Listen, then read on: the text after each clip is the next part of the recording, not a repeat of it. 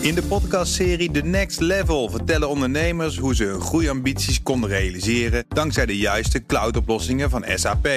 Wat waren de uitdagingen, de oplossingen en hoe ging de uiteindelijke implementatie? Benieuwd naar hun verhalen en hoe zij met behulp van SAP ook hun toekomstige ambities kunnen behalen? Luister de podcast The Next Level via de BNR-app of je favoriete podcast-app. Ondanks mijn adblockers en volg mij niet zo ver viel mijn oog op een gratis te downloaden e-book over gamification. Ik las dat mensen spelen omdat we van sensatie, fantasie, verhalen, uitdaging, vriendschap, expressie en rangorde houden. Gamification, het toepassen van spelelementen in een niet-spelomgeving, doe je om mensen te motiveren, veranderen, betrekken of enthousiasmeren. Een voorbeeld. Volkswagen en de Zweedse overheid werkten in 2009 samen om automobilisten minder hard te laten rijden. Ze voegden een spelelement toe aan een snelheidsbord. Alle automobilisten werden geflitst. De boete van de snelrijders ging niet meer naar de staatskas, maar naar een speciale pot. Degenen die zich keurig aan de snelheid hielden, werden ook geflitst en kwamen in een loterij terecht. Na enige tijd loodde de potbeheerder een winnaar onder de mensen die zich aan de snelheid hadden gehouden. De gemiddelde snelheid op het traject daalde met 22%. Iedereen gelukkig, behalve de Zweedse overheid vanwege de inkomstenderving. Hoewel er wellicht minder verkeersslachtoffers zijn gevallen op dat traject, wat weer een gezondheidskostenbesparing met zich mee zou brengen.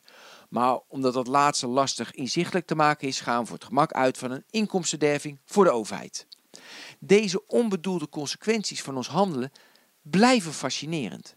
De long-read Gamified Live op eon.com gaf nog meer stof tot nadenken om meer spelelementen in ons leven toe te laten. De ondertitel van het artikel From Scoreboards to Trackers, Games Have Infiltrated Work, Serving as Spies, Overseers and Agents of Social Control. We kennen de strekking. Van prikklok tot het nauwkeurig monitoren van iedere handeling van een logistiek medewerker om werknemers zo te primen dat ze optimaal functioneren binnen de kaders van het productieproces.